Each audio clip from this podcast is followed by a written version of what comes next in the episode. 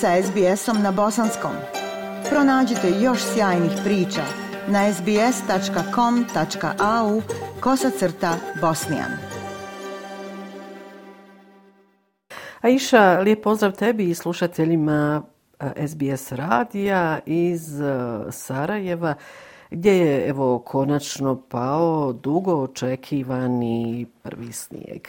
Naime, planine oko glavnog grada Bosne i Hercegovine do sada su bile bez snježnog pokrivača, pa su ljubitelji skijanja jedva dočekali pahulje.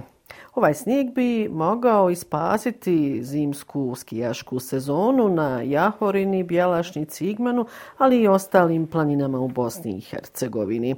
Istina, snježni pokrivač Iša već je zadao probleme vozačima. Usporen je saobraćaj širom Bosne i Hercegovine, a prema prognozama meteorologa nastavit će padati i naredne sedmice. Pa evo iša u nastavku nekih od eh, najznačajnijih događaja koji su obilježili proteklu sedmicu. Ranko Debevec je imenovan za novog e, starog predsjednika suda Bosne i Hercegovine. Njega je na sjednici na mandat od šest godina imenovalo Visoko sudsko i tužiteljsko vijeće na sjednici 18. januara sa 13 glasova. Suzdržanih i onih koji su bili protiv nije bilo. On je dobio drugi šestogodišnji mandat da rukovodi ovom pravosudnom institucijom. Bio je jedini kandidat za ovu poziciju prije izbora, predstavio je budući program rada. Kako je naveo, za period od 2023. do 2029. godine formulisani su strateški ciljevi koji se odnose na unapređenje efikasnosti suda, kvaliteta i institucionalnog rada. Evo dijela iz obraćanja Ranka Debeleca. Sud će ići na što više, da tako kažem, aktivnosti koje se odnose na jačanje pravne države, vladavne prava, posebno na uspostavu sistema borbe protiv korupcije i organizovanog kriminala. Ono o čemu će se posebno voditi računa da se što brže i što efikasnije odlučuje. Mislim da je trenutna potreba koja je sad izrazito goruća je da se prilagodi postupanje svih institucija i naravno a, zakonodavni okvir ispunjenju osnovnih 14 prioriteta za ulazak Bosne i Hercegovine u Evropsku uniju, a sud Bosne i Hercegovine će od A do Ž, da tako kažem, biti dio te priče. Aisha, 18. januara održana je i vanredna sjednica Senata Sarajevskog univerziteta samo sa jednom tačkom, odnosno e, trebalo je na ovoj sjednici da se odluči o e, dokumentaciji e, Sabije Izetbegović, direktorice kliničkog centra univerziteta u Sarajevu. Nakon ove vanredne sjednice Senata, rektor Univerziteta u Sarajevu, Rifat Škrijelj, je kazao da e, je zaključak kako mnogo dokumentacije nedostaje u vezi sa diplomom direktorice, direktorice kliničkog centra Univerziteta u Sarajevu i redovne profesorice medicinskog fakulteta, odnosno Sebije Izetbegović. Na pres konferenciji koja je održana, kako sam već rekla, 18. januara, Rifat Škrijelj je rekao da su usvojili zaključak u kojem se konstatuje da ad hoc komisija nije ispunila obaveze Senata UNSE od eh, 10. novembra prošle godine. Eh, ova komisija nije dostavila brojne eh, dokumente, odnosno brojnu dokumentaciju uvjerenja o položenim ispitima, o započetim godinama ili semestrima postdiplomskog studija na Medicinskom fakultetu u Zagrebu i tako dalje i tako dalje. U ostalom, evo, poslušajte šta je Rifat Škrijelj naveo na preskonferenciji o, o toj dokumentaciji koja zapravo nije ni dostavljena.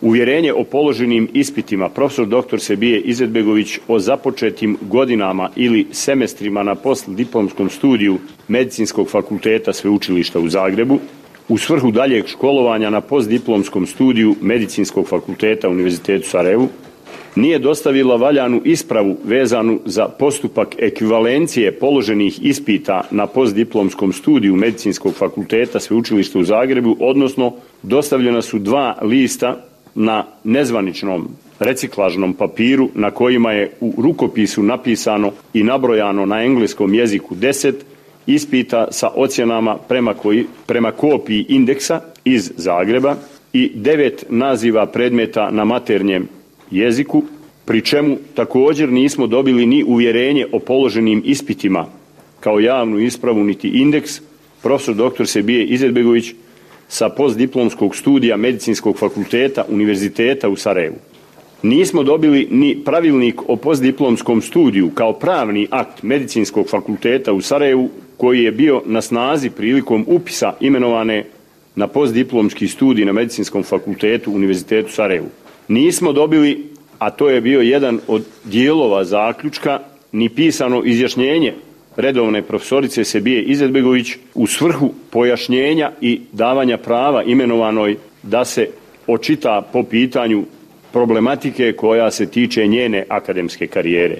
A iša, kako ste već e, čuli, e, ad hoc komisija koja je formirana nije dobro obavila svoj posao, tako da će prema riječima rektora Rifata Škrijelja e, Senat formirati komisiju koja će opet predložiti rektoru i Senatu Univerziteta u Sarajevu dalje postupanje u ovom predmetu. 17. januara je održana konstituirajuća sjednica novog saziva Doma naroda parlamenta Federacije Bosne i Hercegovine.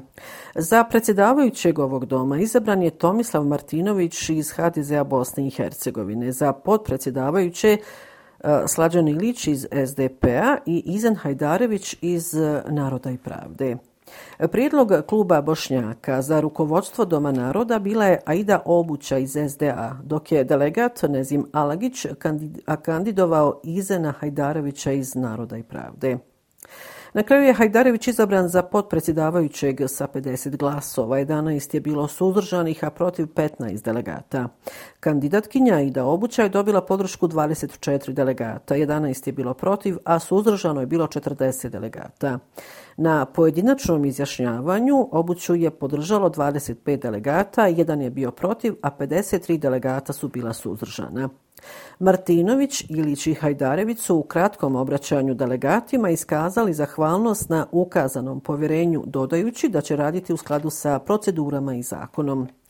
Glasanje za podpredsjednika, odnosno predsjednika Federacije Bosne i Hercegovine, pričekaće naredne sjednice. Naime, predsjedavajući Doma naroda parlamenta Federacije, e, Tomislav Martinović, prekinuo je sjednicu i rekao da će nastavak ove i nova sjednica Doma biti najvjerovatnije 27. januara. Sud Bosne i Hercegovine zasjedao je e, dva dana, 19. i 20. januara I ono što je bitno da e, termin zajedničke institucije koji se upotrebljava, kako je e, rekao, odnosno E, donio odluku sud Bosne i Hercegovine, suprotan je vladavini prava, tako da ga je Ustavni sud na sjednici u Sarajevu i ukinuo.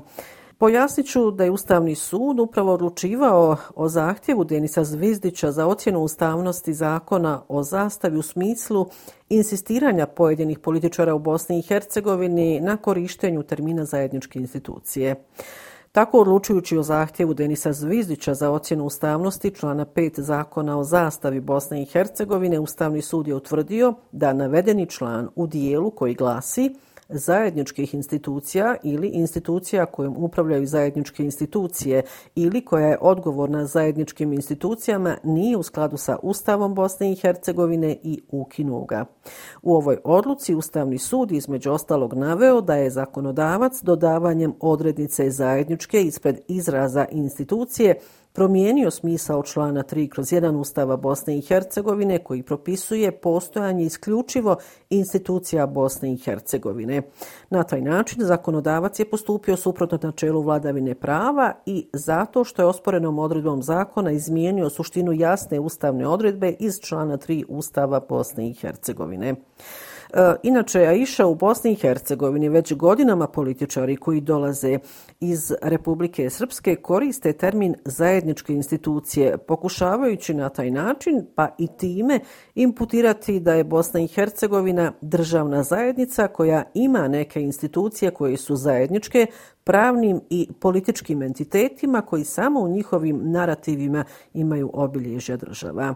E, time je Ustavni sud Bosne i Hercegovine konačno stavio tačku na takve pokušaje. Eto ovom informacijom iz Suda Bosne i Hercegovine e, završavam ovo sedmično javljanje iz glavnog grada Bosne i Hercegovine. Još jednom, lijepe pozdrave iz Sarajeva vam šalje Semre Duranović-Koso. SBS na bosanskom. Podijelite naše priče preko Facebooka. Želite poslušati još ovakvih priča? Slušajte preko Apple podcasta, Google podcasta, Spotify ili kako god da primate svoje podcastove.